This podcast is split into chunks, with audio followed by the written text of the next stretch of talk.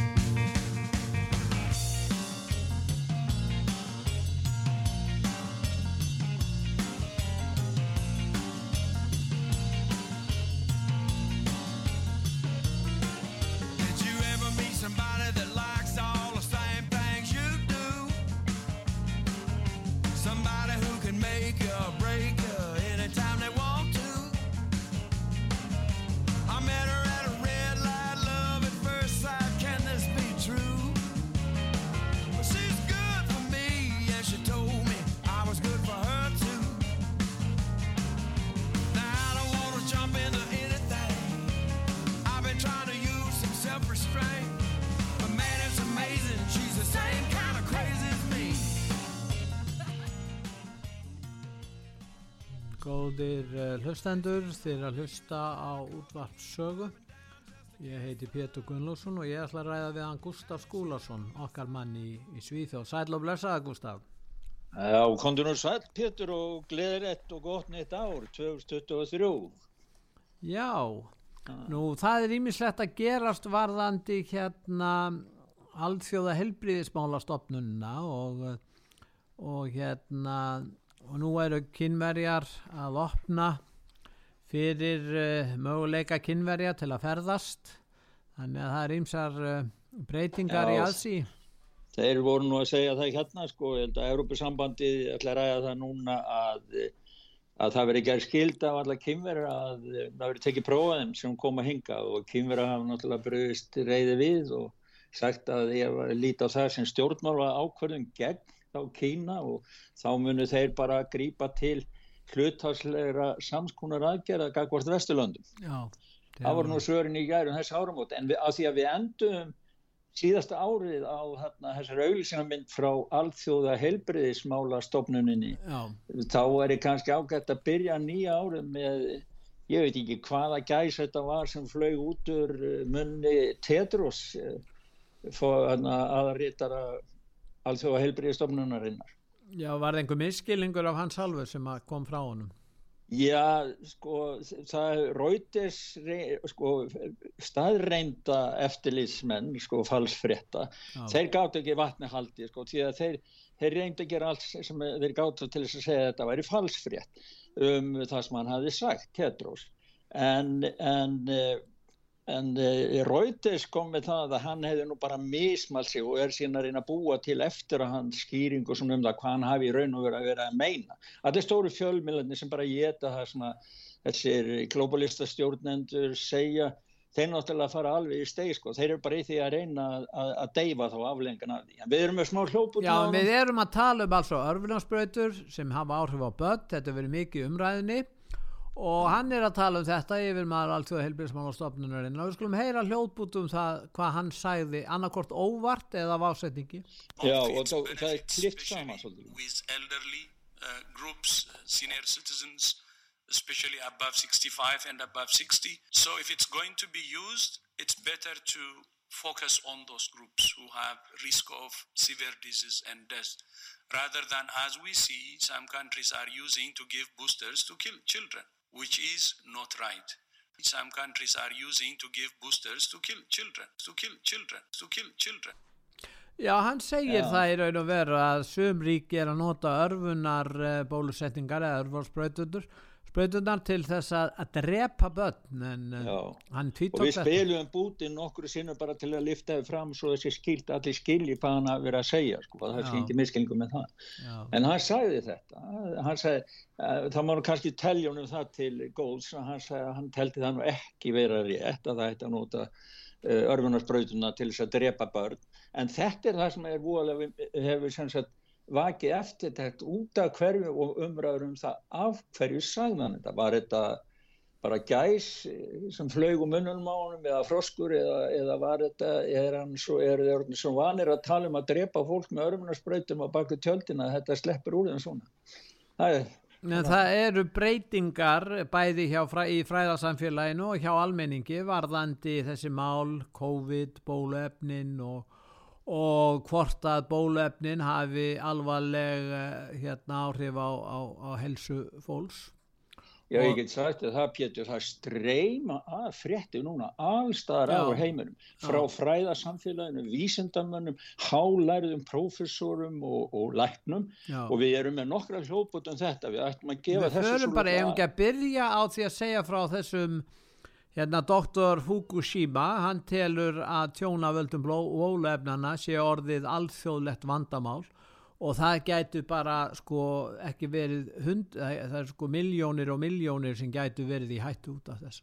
Já, hann talar um sko miða við markvíslega fjölda aukaverkana þá gætu miljardar mannslífa að lókum verið í hættu og hann, þetta var á, á ofinbjörnum blagamannafundi, hann er professor emeritus við Kyoto háskólan og þetta var á ofinbjörnum blagamannafundi sem að haldin var fyrir sirgjandi fjölskyldur, fjölskyldur aðstandarna sem hefur látist í COVID eða af aflengum bólefnana þegar í nóvumber og þetta var fyrst að koma til okkar í fréttum núna í, í lók desember. En eh, hann hund skammaði, það voru blamin á fundunum hund skammaði yfirvöld og blamin fyrir það að byrta ekki alvöru skýslur umræður sem að vísindamenn koma með og læknar eins og hann sjálfur og eh, það sem búið að margvara við nótkun á þessu RMNA bólefni eða mRNA og, og e, í staðan fyrir þá að þagað yfir því og það er bara ástæðan tekið með bólurísunum og neyðar, neyðaskamti. Þannig að hann var ekki, ekki sko jákvæður í garði yfirvalda. Og svo er það franskur uh, professor sem að telur að uh, viðbröðin hafi verið raung, það hefði verið hægt að bjarga miklu, miklu fleiri mannslífum og við erum reynda með hljóðbút frá honum. Christian Perron. I'm Professor uh, Christian Perron, working in Paris as Professor of Infectious Diseases.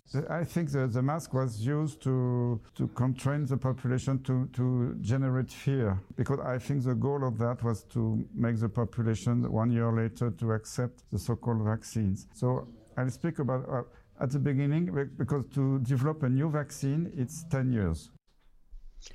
Já, er sko, þetta er nú bara örstuttu hljóðbrot úr lengra viðtali við hann sem er á heimasíðu sögur. Já, og hann byrja á því hann bara las upp titla og svona sefiði sitt, starfsferilin sinn og sko þetta er maður sem búin að vera í alls konar nefndum, alþjóðlegum nefndum, Evrópu, fyrir Evrópusambandi, fyrir Frakland, í sambandi við smíksjúkdómavarnir og, og, og með meira sko, það tók held í eina mínúti hjá hann og bara segja frá því. En hann er, hann segir fullirðir að það hefði verið hægt að koma fyrir ef að læknum og læknar samfélaginu hefði ekki verið bannað að nota ívermektín og svo hitt orðið þannig sem ég erfitt með að segja hydroklór og eitthvað. Já, og nota þessi líf sem að voru til staðar og var reynsla fyrir. Og hann segir það sko að með bóluefnin að hann sagði að það hefði hægt að bjarga nýju af hverjum tíu sem hafa dáið á Vesturlöndum ef að læknarnir hefðu fengið að nota þær aðferði sem voru til staðar þegar sjúkdómurinn kom og hann er mjög gaggrínin á, á, á eh, sem sagt eh, hann telur að það tæki tíu ára að þróa bóluefni eins og mann hafa sagt áður, þetta var bara sett á markaðin strax. En það er eitt aðrið í þessu Gustaf. Það er svo margir búinir að tala um þetta, bæðið frá Japan, Fraklandi, Bandaríkjunum og, og við að, sem fólk er að segja reynlega að, að það hefur bara reynu verið dreptir þarna, það hefur sé verið að drepa fólk í stórun stíl. Væri ekki eðlilegt þá að þessir mennir eru lagsóttir fyrir að, að vera með svona ásakanir ef þetta eru laus loft, gripi? Hvernig stendur á því að engi þeirra hefur verið lagsótt? Það er eitt að rítskoða þá, útiloka þá, taka frá því rannsóknarstyrki, reka þá frá störfum, en það hefur engi farið í svona meðirðamáli eða máli um það að, að þeir hafi í raun og veru verið með eh, sko einhverjar ærumeyðingar og, og, og lega áróður gagvart yfirvöldum. Já, það eru sko það sem er í gangi, það er hann að, hvað heitir hann, Fúrmiller eða hvað hann Já, heitir hann er að lögsækja sko. En það er Já. ekki, kerfið er ekki að lögsækja þessa fræðimenn og aðra sem hafa ráðið Nei, svona harka- kerfið, nei, kerfið Ég er að tala um sko það sko Akkur, Já, akkur, far, akkur taka þeir ekki þessa, þessa já, hvað ég kalla, jaðarfræði menn eða hvað sem þeir vilja kalla það, akkur taka þeir ekki Já. þá úr sambandi að minnst kosti reyna að lögsækja þá, þeir geta eins og ég sagt uh, komið vekk fyrir það, þeir geti starfað og einhver leita hafa er gert það. En, en Sko- mér finnst einkennlegt að ef að þetta er stór hópur fólks í raun og veru með hvað maður kalla, kalla er þetta ekki uh, falsfrettir og rangar upplýsingar akkur er ekki eitthvað gert til að stöðva það Sko, við verðum að gera grein fyrir því að, að eh, hvernig þessu var komið á, þetta, þessu var komið á uh, bólusetningunum og, og þessari aðferð til að koma þessu ferð í gang að bólusetja allan með göllum og óprófuðum bólefnum. Það var komið í gang með því að yfirvöld samþyktu neyðar ástand. Neyðar ástandi var forsenda fyrir því að það væri hægt að afskrifa yfirmektín og hitt lifið hann Já. sem, sem uh, lif og vegna þess að þau voru afskrifuð þá voru engin lif til þá voru hægt að lýsa við neyðarástandi og á grundvelli neyðarástandsins gerðu síðan ríkisamninga beint eða í gegnum uh, alþjóðsamtök eins og Európa-sambandi við stóru bólurisana. Já. Þannig að yfirvöld viðkomandi ríkja eru samsig. Það eru þau sem hafa gert þetta mögulegt. Þannig að það, ef það á að fara í málaferdi þá ætti náttúrulega að draga ábyrga yfirmenn heilbriðismála og þeirra ríkistjórna sem að samþýttu að leifa að koma á neyðarástandi. Því að þetta var ekki neitt neyðarástand. 99,97% af eh, fólki undir 70, 70 stafar ekki dauðahætt af þessu. Nú það er einn Cleveland, frá Cleveland Clinic, hún hefur nú ekki verið byrt ofinbelega en, en þar kemur fram í raun og veru að því fleiri bóluefniskamta sem að eh, einstaklingur fær og tekur þeim, því meira hætta er á að hann smittist. Þetta er ein af, það eru fleiri stóri rannsóknar að koma núna. Þetta Já. er bara ein af uh, nokkrum öðrum í líka í bandarækjanum. Ég hef bara ekki haft tíma til að skrifa um þar en það er að koma núna. Þessi í þessari rannsók það að byrta skýsluna altså, í, sem svona forprentaða skýslu. Síðan fara vísindamenn og rýna hann og þá verður kannski einhver matur um breytt og síðan verður hún endanlega byrt sem endalega skýsla. En í þessari skýslu þá er búið að sanna. Það er búið að sanna það. Vísindamenn í bandaríkjanum þannig að Cleveland þeir hafa sko þeir rannsökuðu fjöldamanns og þeir eru búin að sanna það að það er samband milli eftir því sem þú tekur fleiri sprautur gegn COVID þá eigast líkotnar á því að þú fáir COVID.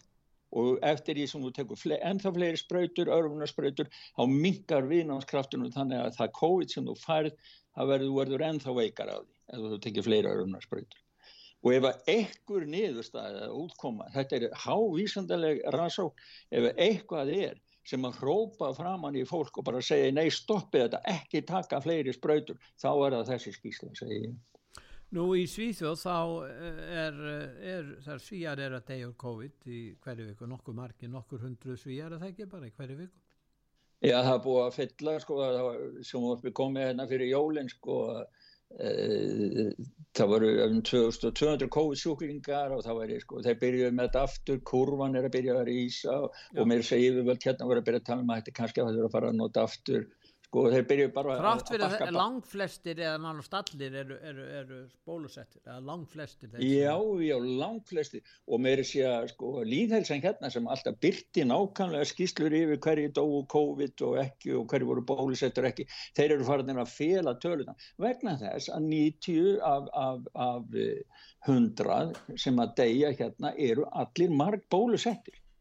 En, en, en já, og, og hérna, en eh, er spurningin er þessi er þessir eh, sjúklingar að deyja úr COVID? Eða eru að deyja úr COVID og ykkur um öðru sjúkdómum? Ég minna það er spurning hvað er sett á dánavottunum Þeir settu, það sem var var hérna voru 200 staðfest tilfell að döðsföllum að völdum COVID fram að viku 50 Já. og það er um 122 en síðan sko það, það er þeir sem að deyja úr COVID það hafi verið að meðaltæli núna síðustu vikuna henni síð og 122 á viku sko. Já. Já. en, en e, sko síðan eiga, eiga tölunar eftir að koma nákvæmar, ná, meira nákvæmar sko það eru áramót og það hefur verið mikið fríum annan þannig að það er En svo höfum við ymsallega eins og leikarar og svona þekktir e, þekkt þjóð þekktar personur hafa skiptarskoðanir hann er sín penn meina skoðun og og Tim Robbins með aðra og, og til dæmis leikarinn sín Penn sem hefur nú ofta haft í framir svona umdeildar skoðanir, hann telur að það sé glæpsalegt aðtæfa að láta ekki bólusetja sig og hann vil bara þeir verið rektur úr vinnu og fá ekki vinnu og, og eigi ekkert að mæta innan um annað fólk. hann, hann, hann, hann hakar á sko, hoppar á lestina sem að alþjóð heilbriðismálastofnun vill koma á og það sem að óbólu, sem er bara árásir á óbólusetta og þeir gerðir að viðundri og það verið að æsa upp þá sem eru bólusettur og taka örnunarsprautur að æsa þá til þess að bara er bóstæðilega að fara í stríð við þá óbólusettur en svo er, svo er, er hins vegar gaman að heyra þetta, við erum með hljóputa frá hann báðum, Tim Robbins hann lísti, hann lét sprauta sig og hann lísti þegar hann var sko í byrjun þá var hann voðalega pyrraður, einhver var ekki með grímu og var skamma fólk og ef þú ert ekki bólusett þú verður að fara að láta bólusett en síðan bara, hann var í Englandi mætti fólki þar sem ekki hafi verið bólusett og var að mótmæla á, á, á göttanum fyrir utan hóteli eða hvar sem hann var og síðan byrjaði hann að hugsa máli og fara að kynna og núna er hann bara í því að reyka ára og bara út um allt að stoppa þetta. Já, en við skulum er- fyrst hlusta á hljóðbút með Sean Penn og, og hvað hann segir og svo hlustum við á hljóðbút með Tim Robbins. Hans, It's a cowardice of conviction. I, I think that it is an unwillingness to engage in a culture of common sense uh, that at this point it seems criminal to me. Actually, I, I really feel that that, that that if someone chooses not to be vaccinated, that they should choose to stay home, not go to work, not have a job. These are, you know, as, as long as we're all paying for these streets, we got to ride safely on them.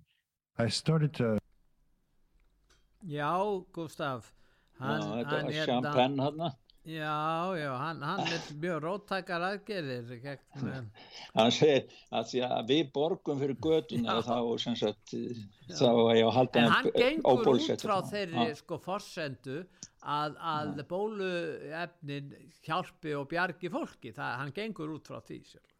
Já, já, og hann gen- gengur líka út frá því að þeir sem eru óbólusettir séu óhreinir og, og. Já. Því að, því að sko, góði skattgreðendur sem borga fyrir að við höfum götur og þeir eiga náttúrulega ekki að vera að borga fyrir þá óbólusettu þess vegna er þeir bara að vera heima. Þeir hafa enga rétt að ganga á götunum sem aðrir er að ganga. En þeir, Svo góð- óból, þeir óbólusettu að borga fyrir þessi bóluefni sem að bó, bó, bó, bólusetta fólki er að fá, er það ekki? Já, ég menn óbólusetti borga skatt eins og allir og borgar, borgar meina- fyrir bóluefnin. Já, já, fyrir bólefni eins og allir enn. En við heyrðum ekki hérna hann Tim Robbins, við að... Skulum að- heyra hann, hvað hann segir. Tim Robbins. Hann fekk Oscarsvelun á sínum tíma. I started to wonder more and more about what we were being told and whether it was true or not. It took a while for me to speak about it. I was staying in Soho and I i- i- there one Saturday morning and I, I um, heard a lot of noise outside. It was a protest, an anti-lockdown protest. And I went out. Uh, I had a bicycle and I wa- went out and, and I joined the protest, uh, not because I was joining the protest, because I was curious. Já, Já, þetta er nú bara örstutu bútið, það Já. er meira um þetta á heimasíðinu, sko. En, en hann sagði það bara þegar hann var búin að kynna sér málun og fara í gegnum þetta. Hann sagðist að hafa vaknað upp af COVID-svefninum. Og það er dálítið svona, sko, lýsing hjá honum á kannski þeim heila þvett, þvætti sem að hefur fengið alla til þess að sofa nokkuð svona andlegum COVID-svefni, þyrnirósa svefni og, og hann vaknaði upp og, og hann sagði þetta er bara, bara, bara, bara orðvelsk upplifun og, og, og þegar hann sá líka og fór að kynna sér áraðunum gegn eh, öllum þeim sem ekki litur bólusetta sig og annað sko. En uh, Hann er raun og verið að segja að það er verið að refsa fólki sem óhlýðnast. Það er ekkert öðruvísi. já, já, já, já. Og, og hann, hann sagðist hafa haft áhugjör af því hva, hvert þessi stefna leiti til, hvað áhugun hefði okkur sem fólk. Og hann sagði það sko við höfum breyst í reitt hefningjart fólk í stíl við ættbolka og það er ekki sjálfbært fyrir heiminn að við vofum væðum fólk sem deilir ekki ákveðin heilbreyðistefnu og breytum þeim í skrýmsliða útlaga. Að segja að þeir ekki skilið að, að fara á spítala eða þú veist þannig að hann sko. Hann, hann, hann, hann er svona fríða sinni og vill að fólk tali og vinni saman og, Já, en ekki það að fólk eigi að já þú er bara gott á því það er gott bara að deyja fyrir að hafa ekki látið En nú hefum við talað um þetta bóluefnin og, og eins og við höfum rætt um þá hafa þeir aldrei viðurkenta þessi bóluefn og fra, framleiðendur eða aðrir sem stiðja þá. Þeir hafa aldrei viðurkenta að, þe- að bóluefnin hafi valdið tjóni þeir neita því alfarið og segja að sé ekkert orsakar sami hengi á milli, milli hilsu bressfóls og, og bóluefnana en uh, þá var gerð könnun á vegum eh, Rasmussen könnun Já, sem já. er svona nokkuð vandað uh, fyrirtæki varandi skoðanakannir í bandaríkjunum þeir hafa verið nákvæmar í mörgum, mörgum tilfellum Já, já, já, já, þetta er ein, ein af þekktustu skoðan að kannana stofnunum þar og Já. þeir ansaka miklu fyrir máli en bara COVID, svo.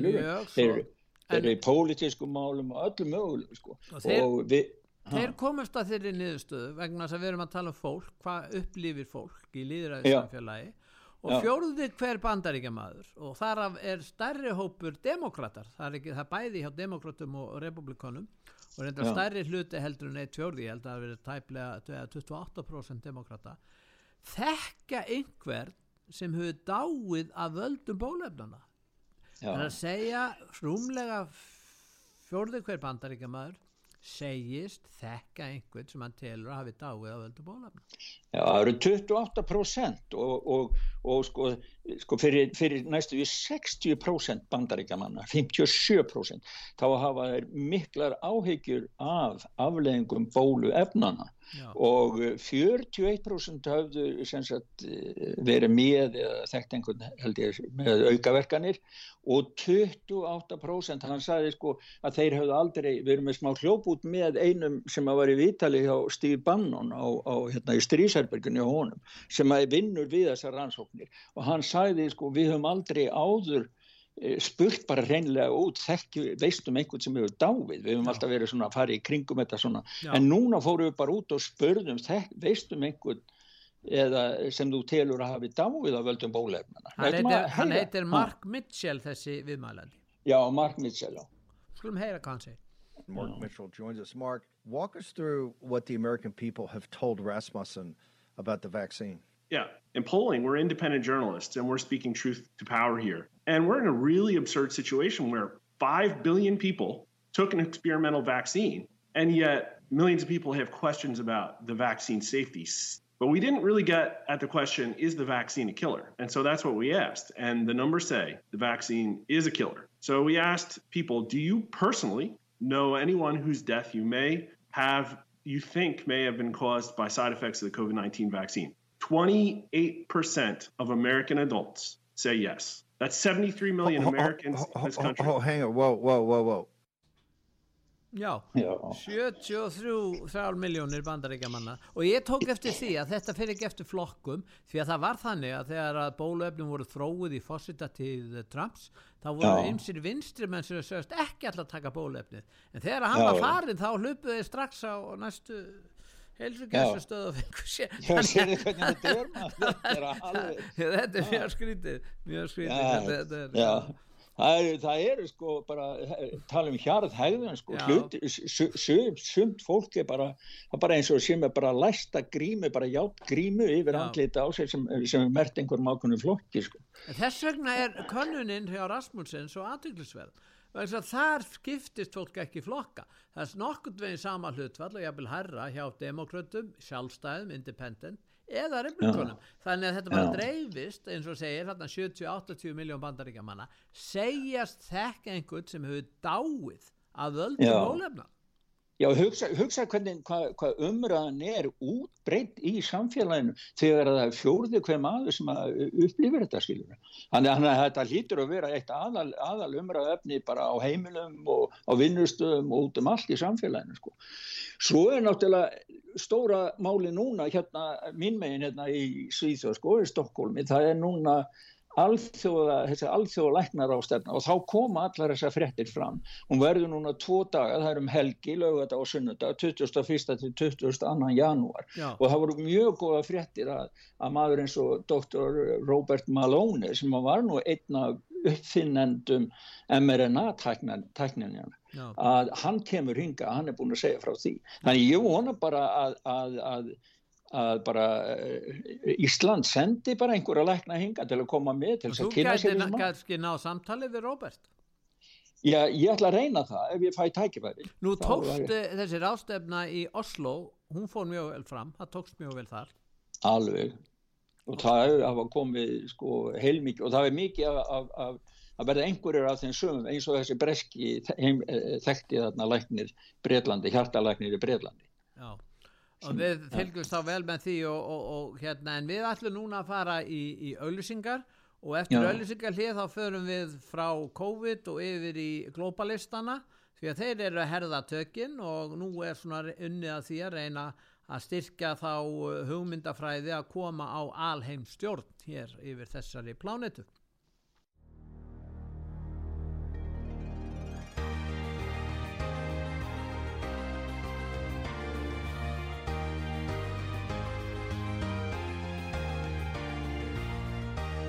Heimsmálinn í umsjón Pétur Gunnlaugssonar. Fréttir og fréttatengt efni af Erlendum Vettvangi.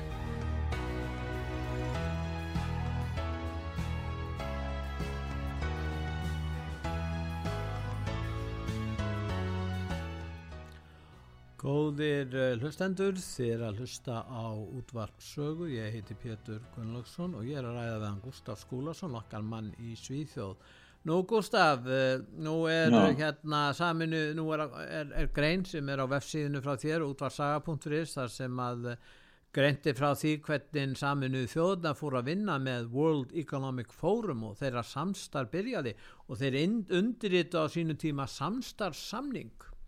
Já, sko, það, það, það sko, við ræðum vola mikið um World Economic Forum og þá náttúrulega er eðlilegt að menn spyrir sig hvað er það, hvernig, hvernig geta samtök orðið allt í hennu, orðið alþjóðleg, svona stór, sterk og eru bara, bara, bara með einhver töfra að sprota og breyta ráð þennu ríkistjórna í sendibóða fyrir sína eigin hagsmenni, Hva, hvað er í gangi hér? Og eh, eins og þetta gera þennan stóra samning við saminuðu þjóðnar og og, og, og allt það. Og það er sem sagt sko globalista samtökin World Economic Forum þetta er upprunalega hagsmunasamtök stóru fákeppnis e, risa fyrirtækja í heiminum. Og ég, mér, mér er, mín tilfinning er orðin svo að þeir hafa bara orðin þreyttir á því að vera að loppa í þessum almennu á, á þessum, í þessum almennu ferlum sem eru bæði Evróp, innan Európa-sambandsins og fleiri stöðum í heiminum fyrir sína hagsmunni. Þeir hafa bara ákveðið að stopna Economic Forum og bara taka yfir. Já. Og það, þetta er leiðin sem þeir velja og sko það er alltaf finnst mér að koma skýra skýri ljós að þessi, þetta er hópur eigenda, rísa alþjóðleira fyrirtækja sem að vilja útiloka alla samkeppni Já. og þess vegna hlutur af þeirra prógrami eða dagskrá, það er að koma öllum keppinutum frá í brönsum og í löndum þar sem að þeir vilja hafa, þeir vilja bara hafa tótal fullkomið kontról eftir lit á öll, sínum eigin mörgum og stjórna þessu og stjórna heiminn. Þeir- Og hvað, þeir vilja afnema þjóðríkin en þeir vilja breyta ríkinu einu allsherja ríki í hlutafélag sem þeir eiga já, og, stjó, og stjórna. Já, Þetta er svoleiðis. þeir eru er breyta þjóð, þjóðlíkinu í Já. svona sem gera það hluti af svona eins og Evrópusambandinu, það eru þeir hvað 27 ríki og alltaf Já. verða fleiri og, og síðan uh, þróa þeir þetta áfram en síðan breytast ríkin í smá saman í hlutafélag sem eru eign þessara einokuna félaga og auðfélaga og globalista. Þetta er í raun og veru tilgangurinn og þetta er í raun og veru rökrétt hvernig þeir haga sér með við þetta markmið. Já og svo ser maður líka það að fólk eins og til dæmis Úrsula von der Leyen, fórseti framkvæmda stjórnar Európa-sambandsins, Já. áður en hún var fekk það embætti, þá var hún helbris málaráðherra í Þýskalandi en þá var satt hún samtímis í stjórn World Economic Forum. Hún sem, er, sem við heyrim aðeins í og eftir sem er hérna eh, forstjóri alþjóð gjaldiðsvarasjóðsins hún situr núna í stjórn World Economic Forum þannig að þeir eru farnir sko World Economic Forum deilir og drottnar embættum og efli sín tengsl í pólitíkina og stjórnmálin og eru farnir meira og minna stjórna öllum þessum sko stóru alþjóðlegu samtökum eins og Evrópusambandinu, ég tala nú ekki um saminuðu þjóðnar, alþjóðu Nú helbriðismála taktu bandaríkjum sem dæmi. Eða bandaríkinu Já, lobbyistarnir þar, hver heldur að þeir ráði? Já, nei það er nú allt vittlust í bandaríkjunum út af því að, að sko, globalistinu þar eru að reyna að fjela alla skandalana og svíuruna sem að Biden þar er anstað, það er raunverulega anstað í er sem er ekki að finna ein, að samaskapi í Evrópu. Þannig að Já. það er svolítill munur á þessu tvennu hvernig viðbröðin eru í þessum, þessum löndum Já, það er allt annað, allt annað, allt annað grundvöllur og hefðir og tilfinningar í bandaríkjanum þó að sumt að þið finnist kannski staðbundið á einsum stöðum í Evrópu en þá eru hansi margir í Evrópu sem að fylgja bara í blindni í yfirvöldum. Já, en World Economic Forum ef þeir eru spurðir, hvað við að gera við frjálslinda vinstrið? Þá segja þeir, látum þá hýrða menninguna, þeir vilja innlega massista menningu og þeir bara fá að gera það og það er Já. þetta samstarf annars vegar á milli einogunar auðvaldsins og hins vegar uh, þeirra sem vilja innlega massíska menningu þannig að þeir ná saman um þetta enda standa þeir saman Sko hérna samningurinn sem við vorum að ræðum áðan sem að World Economic Forum gerði undirritaði með saminu þjóðunum árið 2019.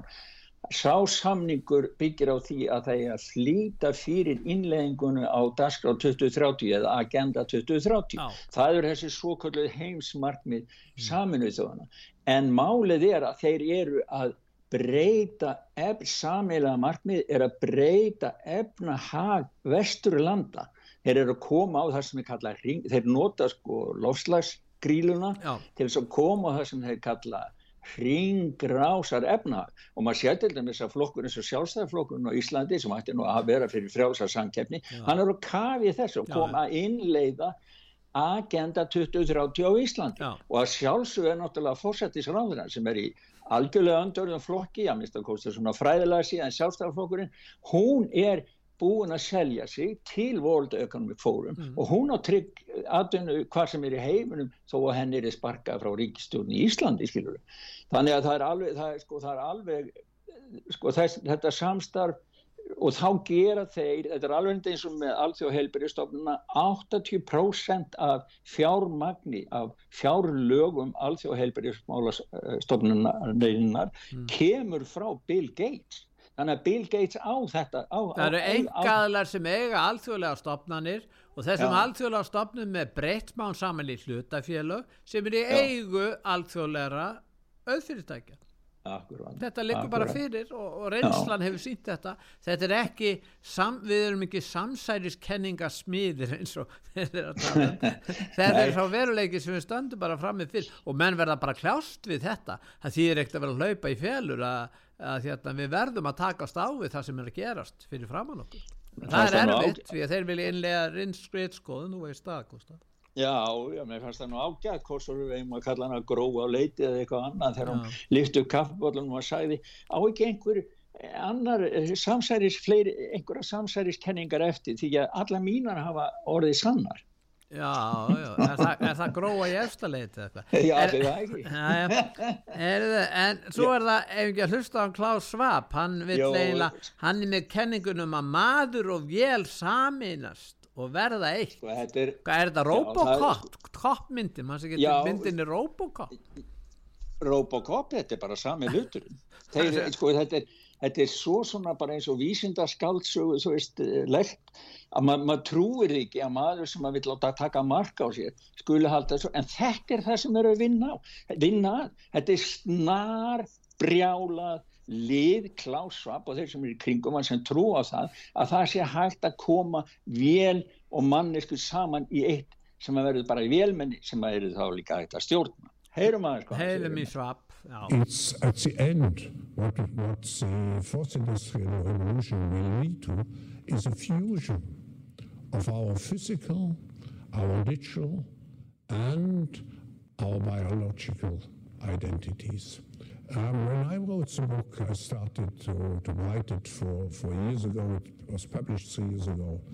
What is interesting is that 800,000 copies were sold in three countries alone China, Japan, and South Korea. With 16,000 copies at the same time. It was the Korean military. Because the fourth industrial revolution will have a major impact also on warfare. Já, kannski var svolítið Já, kort en, stilt. en hann notaði orðið fusion eða samrunni Já, vélar eða biology alveg líffræðilega hliðanarinnar og vélarinnar hann kallaði notaði orðið fusion það er að segja samrunni mjög alliklisvert og, og, og, og svo er hann svo ánað með það hann skrifaði bókum þetta fyrir nokkur um árum hann var að lýsa hvað hann hefur selst vel Já. en það, hann bætti því svo við já, kórianski herin hefur keift 16.000 eintök vegna þess að það er hægt að nota þetta í hernaði sko. Já, já, ég meina þannig, sko ég meina að hugsa þú veist, allar þessar myndir sem við séð með Star Wars og allar, allar þessar vélar og Já. hýbrið eða hvað að kalla þetta þetta er það sem hans maður lifir, dreymir um. En við sjáum það líka hvað er að gerast í Úkrænu þar eru það hérna hvernig, hvernig vélarnar, það eru mannlausar vélar og, og eldflöga fyrst og fremst. Það, þeir eru ekki að senda flugvélar til þess að varpa sprengjum Nei, alveg rétt, já. Já, tæknin er, er sko, tæknin þróast og er gríðarlega mikið við. þeir nota dróna og, og hérna þeir, þeir nota þá og þeir eru ekki að senda vélar því að þær vélar eru bara skotna niður Já. Svo, svo fannst mér annað í sambandi við World Economic Forum, sko. Já. Þeir sem ég fannst nú vera mjög, mjög svo afhjúpandi fyrir þá, sko. Þeir eru hætti, þeir eru orðin svo spældir út í Twitter eftir að Elon Musk kom þangað Já. og fór að segja sannleikan. Já. Að þeir ákveðu að hætta, þeir eru búin ákveða að hætta að nota Twitter. Já. En veistu hvað þeir koma með í staðinn? Jú, þeir koma með, þeir segja ráleika sínum að nota app sem að kínverski kommunistaflokkurinn og kommunistandi Kína hafa þróa fram. Þannig að, sem kínverska ríki hefur fullt eftirlit með öllum sem nota appin. Þetta vil, vilja þeir taka en í Svab hefur líst aðdóðun sinni á fósita Kína Já, Segja- og tekið við sko marg verðlunum Já. og hendur honum vegna þess að þú veist þetta enska orð inklusífi Já. og það er ekki aðskilnaður heldur sem sagt að saminning Já. er, þetta kemur frá þeim, globalistunum, í Mm. samstarfi við kýmverska vegna þess að það á að vera inklusífi sósialisman. Það er markmiðin sem eru sett fram, það er inklusífi sósialisman og kommunismin. Það er þess vegna sem að Xi Jinping, miðstöld kommunistaflós Kína, hefur hlaðið, drekt hlaðið á hann orðum. Og það eru til myndir að því, með þess að byrtar á heimasíði sög. og svo höfum við sko fórustumenn hérna, allþjóða gjaldri sjóðsins og aðrir svona embættismenn sem eru þar í fórustu þeir eru allir hlindir þessu Já, heyrum hana hérna Kristalína Georgiev Já, heit, heitir jú, hún hún er, heitir það. hún er, hún er fyrma, fyrverandi bankastjóri alþjóðbankans Já, hún er yfirmaður sjóðsins Já, já, hún er Já. komin þangað núna er það ekki Hún er Já, yfirmaður hún, Alþjóða hún er Gjaldeyrissjóðsins. komin þangað núna hún er yfirmaður að Já, AGS sko. hlustum á hana, hvað hún segir My message is the following 2023 is going to be a difficult year for the world. And the silver lining can only be that we use it to transform our economies, that we accelerate change that will underpin sounder prospects for growth, and that we, the IMF, fully recognize our responsibility to be a force for good, and a force we will be. Já, hún er að tala um að umbreyta hækkerfinu en með hvaða hættu vill hún gera það? Hún sagði það nú ekki Já, hún sagði það sko að, að, að, að með góðu markmið og Já, góðu já. markmið, það eru grænu markmið skilur. Nú menna hún er að, að, að mæla með hækkerfi góða fólksins Já, umbreyta hækkerfinu í, í, átt til þess góða ég minna það E- segir nú ekki mikið það? Já, nei, en það er það sem er krafan er sko bæði til fyrirtækjana og núna var Európusambandi til dæmis, þeir nota kólefni og lofslag til þess að halda samkernisáðum í burtu því þeir eru að setja á núna kólefnis nýjan kólefnistoll á alla innflutta vöru til Európusambansins. Þannig að sko það skýn í gegnum allt þetta að þessar alþjóðlegu stofnanir, alþjóðbankin, alþjóðgjalderi sjóðurinn, Európsambandið og, og saminuð þjóðunar, það er nota, sko globalistarnir nota þessi, þessi, þessar stofnanir til þess að sjöta og lög og annað sem íti keppinutum þeirra frá sér. Til þess að tryggja fákepp fullkomin, fákeppnismarkað sem, þeir geta að lifa í fríða á nokkurar heilbreyðar samkeppni. En Þeir fóru í fíl út í Elon Musk því að hann á jú Tesla. og það er vildu nú ekki missa hann frá sér en fyrir meður fyrir þá þá var hann komin þaðan allavega og er Já. að grína þá verulega. En hérna það er ymsir fleiri. Það er til dæmis uh, eitt sem að stutti Trump heitir Michael eh, Flynn. Hann átti nú að stinga honum í fangelsi ég held að hann nú verið náðar hann háttsettur hersöðingi allans ekki þryggjastjörnu eða fjórastjörnu hersöðingi hann hérna er með alls konar meiningar en hann er bjart á það að takist að yfirbuga þessa globalista núna og, og það hefjist að fullri hörku núna á þessu nýja ári. Já, hann, er, hann segir nokkur orð líka. Eigum ekki að heyra hvað hann segir hérna? Já, já, They're worried because we are not going to give in and we're not going to give up. So vital that we understand our amendments, we understand our rights, and we understand who we are as an American citizen. 99.9% we, we will be unified, as Mel has been highlighting all shows. So, my last comment is just Happy New Year to everybody. I am fired up about the new year. 2023 is going to be historic, and I'm glad I'm alive.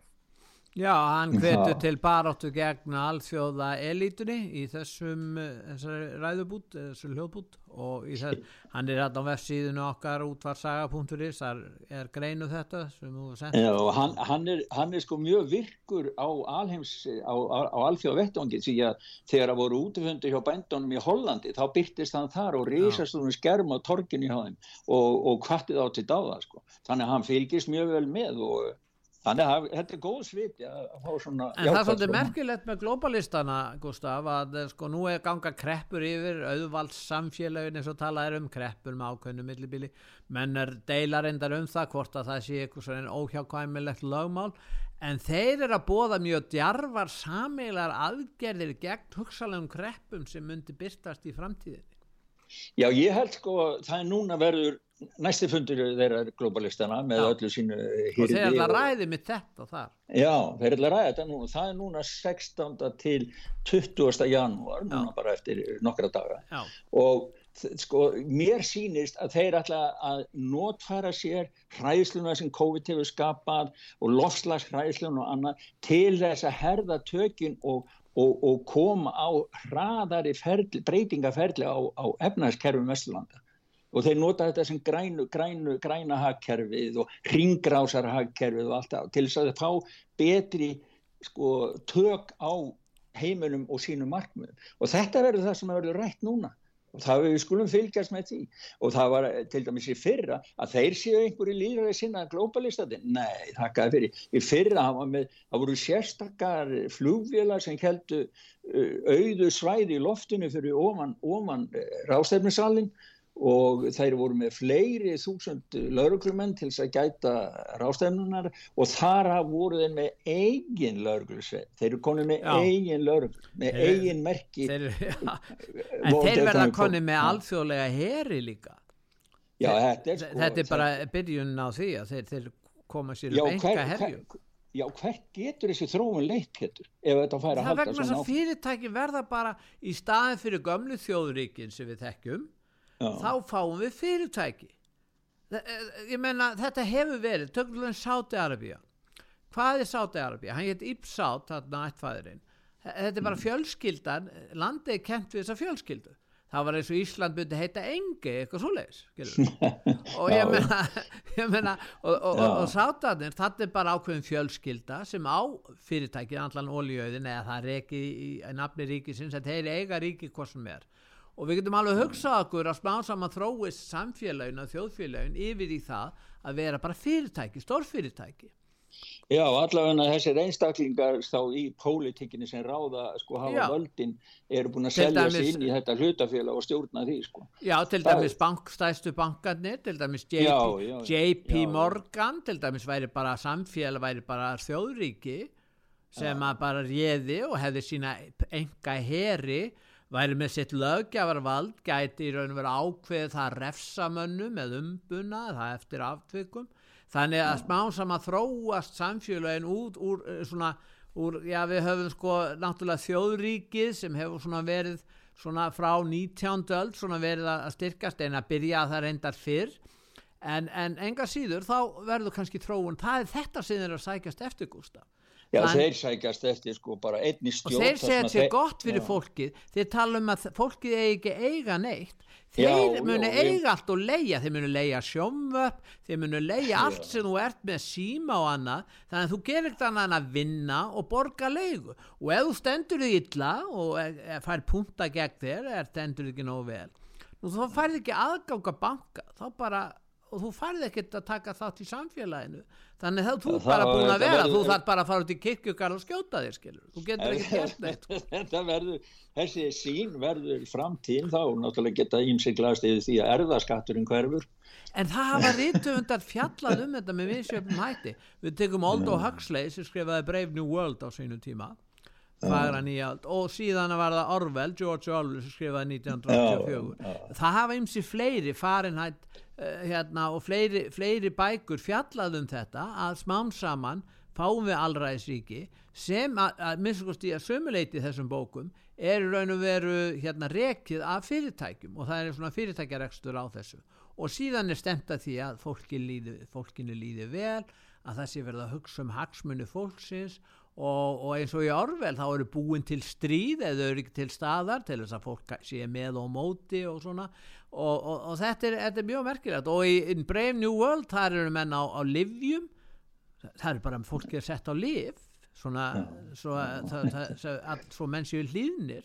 En svo sem ég segja á elli eins og elli heimilum það er verið að gefa fólki, gamla fólkinu liv í raun og veru segja þér til þess að sé með rólegra yfir præð á, á heimilum en hugsaum okkur heilu samfélagi þar sem menn eru bara á livjum Já, en það er náttúrulega, við getum glast yfir því að það er hópum manna sem er and, meira and um frelsið en svo Já. þeir láti rennilásin, loka rennilásnum á sér. Þannig að, að, og það er eins og við rættum um í bandaríkjónum munurinn á, á menningunni þar og við annars staðar. Já. Til dæmis núna, þá, sko, það er ríkistjórn bandaríkjana er bara eins og bara eitthvað, eitthvað þró, vanþróa ríkis, ríkistjórn er með pólitíska fanga síðan 7. janúar Já. í á- á þinghúsi og það er margir sem hafi ekki fengið að vita eða fengið, fengið að fara fyrir dóm eða neitt, bara haldið í fangið sér ár og það var núna var Víkan og erkibiskup, hann er að skora, skora á trúfasta bandaringjamenn að fasta í þrjá daga til þess að stíða pólitíska fanga og vekja aðtikla á þessum málum hvernig meðferð í, í nútíma ríki bandarækjan í dag er á, það eru bara, þetta eru bara pólitíski fangar sem er haldið þarna í fangelsi. Já, en hvað er Amnesty International, Gustaf? Já, segðu, Eh, Býtu segðu. nú við, var það ekki Já. þeirra hlutverk að, að hafa samband við pólitíska fanga, er það ekki rétt? Já, segðu. Hvað, er hvar eru þeir? Eru Amnesty? þeir allir bara hún í kjallara með bætin einhvers? Já, það er spyr en sko upplýsingarna frá 7. janúar eru náttúrulega mjög einhliða eins og þú veist í þessum fjölmjölum sko. Já, og nefndin, hún var að ákveða það núna, það er alveg splungun í frétt, að þeir ætla að loka skjölum og myndböndum eh, láta innsigla það og það má ekki opna innsigli fyrir en eftir 50 ár Bíddu, og það hvern- menn spyrja sig hvað er, sem, er, er það í þessu sem er svona hættulegt að það má ekki eh, fólk með Þetta ekki fá að var, vita þetta hvað- var Ha. einhliða nefnd, hún var skipuð fyrst og næst demokrat, það voru tveir republikanar, hérna Liz Cheney og svo einhver annar Kistner, hérna og þeir Mm. voru, þeir eru ekki lengur í, í þessum flokki, þannig að þetta var náttúrulega mjög einhliða, einhliða framsetting á sjónamöðum annars. Þetta er bara, bara einhliða En nefndin er ekki lengur starfandi, það komið nýr meiri hluti í fulltrúadeildinni, þannig að hún er ekki... Já, um, sko, um. En- en þess vegna getum við nú glæst yfir því að, að frelsis uh, fólk sem er að berjast og er andum frelsi við, Tommy Robinson frá, Já, hann frá er, hann er þekktu frá Breitlandi og hann er, uh, hann segir Já. sko að baráttan uh, ræðst í bandaríkjónum að þar séu átökin og það uh, sko skýrast hvernig, hvernig uh, þá munu koma í ljós hvert mun stefni í framtíðinni og hann er með hljóðverum með hljóðbúta Já, við ættum að hlusta á hann sko. Heyrum hvað hann segir But Happy New Year. And I've watched, I've watched anxiously from the United Kingdom what's happening in the United States. We're in a battle for freedom. We do not have a choice. And America, we beg you because we look to you for inspiration. We watch what's happening there. As you know, as you fight, because the battle will be won in the United States, we do not take a break, refresh yourself, regain your energy, and come back in that new year fighting. Come back in that new year fighting for freedom like you've never fought before, because the world is relying on you. The battle will be won in America. Já, þeir settu nú hann í fangelsi á sínu tíma en hann Tommy hérna Já, Bretarnir. þeir köllum hann rasista og notuðu allt sem er hægt en það er ekki hægt að þakka niður í fólki sem að sem að leitar og stendur fyrir sannleikan sko. það er bara, En, eh, þeir þessi- verða það það Nú, að drepa hann. Við verðum að fara beint til Svíþjóða núna hérna, til að Já, fjalla um það já. sem er að gerast og byrjum náttúrulega númer 63 drepin á Gallarskvöld blóðugasta ár skotarosa í Svíþjóð frá upphafi Já, þetta er skelvileg þróun sko. það var, að- fyrir að metið var 45 og ég held að það hafi verið hvort það var í fyrra eða hitti fyrra, ég manna ekki alveg. En, en sko, þannig að það hefur fjölga sko, bara næstu því hvað 40 upp í 60 var það ekki 20 30% sko, aukning. Þetta er, þetta er sko Svíþjóð er stingur út úr allstar í öllum samabörði því að til dæmis sko, ef við tökum Norðurlöndin þá er kannski fjögur dráp með byssum í, í- Finnlandi, álíka í Nóri og kannski eitthvað í Danmarku, það er innan við tíu sko það er tíu á öllum Norðurlöndu samanlagt og svo er Svíþjóð með 60, þannig að Svíþjóð með 6, það er 6 sinnum óbeldis meira að- snertir byssumorð í, í Svíþjóð sem að náttúrulega sýnir stærð vandans hérna í Svíþjóð. Og svo er maður byrð saman við bandaríkin jú, jú, það eru skotar og sett þar og allir þetta Chicago og allt þetta en það sem er munurinn á Svíþjóð og bandaríkum það er ekki sprengt í bandaríkum það er á móti gert hér. Og eh, það, það sko sprengingarna hérna það voru núna bara á síðustu fimm dögum núna frá, eða sjö dögum frá uh, aðfangdaskvöld og nýjástafu meðtalinn þá held ég að verið fimm sprengingar og þrjár skotar og, og tveir drefni þannig að sko akkurat nákvæmlega að tala þeirra sem hafa fallið eh, um gæti verið 63, um gæti verið 64 jafnvel, eh, og, og, og allar þessar sprengingar lauruglan hefur, hefur byrtir sko nákvæma skýslur og með sprengingarnar, það er ein sprengja sem virkar sem, sagt, sem að verður, al, verður, verður alvarlega aflengar af fjóða hver dag henni í Svítjóð Það eru En ef- 90, 90 sprengur á árið þó Já, 90 sprengjur á ári. En þú tekur með, sko, þeir koma í veg fyrir alveg helling og svo eru sko undirbúningur og tilrunni til sprengja sem ekki eru skráða sem sprengjur eða verður ekki af.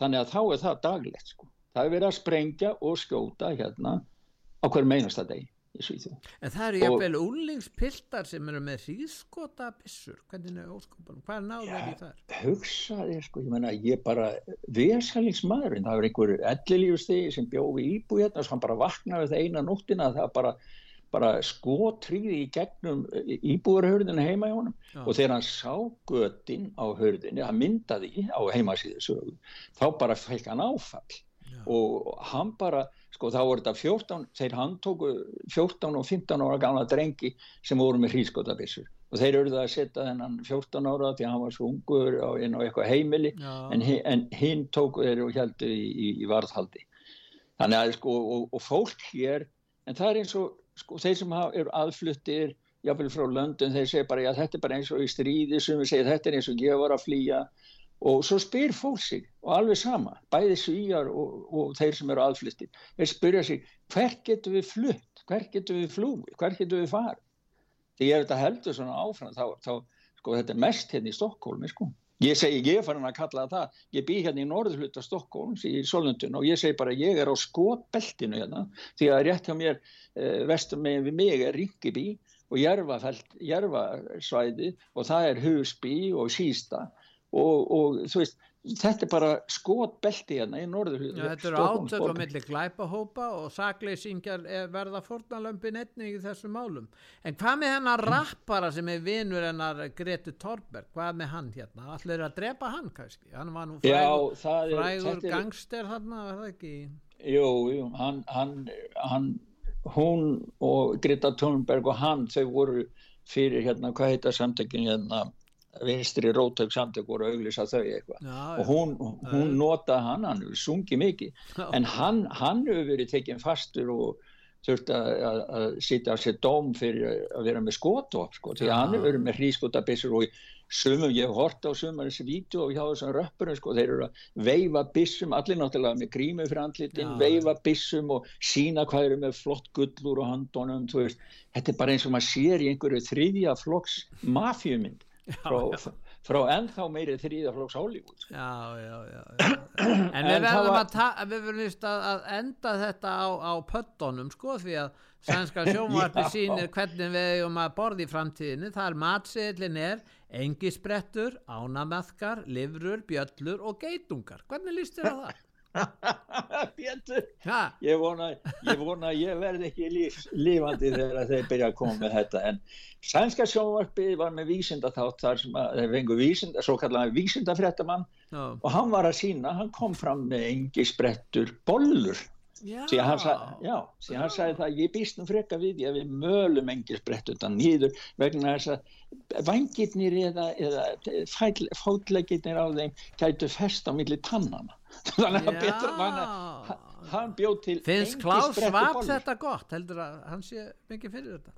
Já, það verður nú gaman að fylgjast með hvaða, mat, hvaða matseðlir hafa nú hann í sé dag með geitungabú hérna inn á skrifstofi hjá sér og er að Já, háma sér já, það, já, allir að verða ekki tilruna þá samrunni, samrunni vélar og geitunga þannig að við fáum bara einhver morðing, morðinga vélar sem er sendt út um allan heim til að drepa fólk. Nei, veist að þessi heimir er orðin keks, rugglaður og geðvikur sko, með þessu globalista Þess vegna þurfum við að spila lagi sem við reynda byrjuðum upp af við ætlum núna að enda á laginu mitt Same Kind of Crazy eða samskona geggjun með þessum rockara Delbert McClinton ef ekki bara Same Kind of Crazy? Hvað er hann að fjallu, veistu það?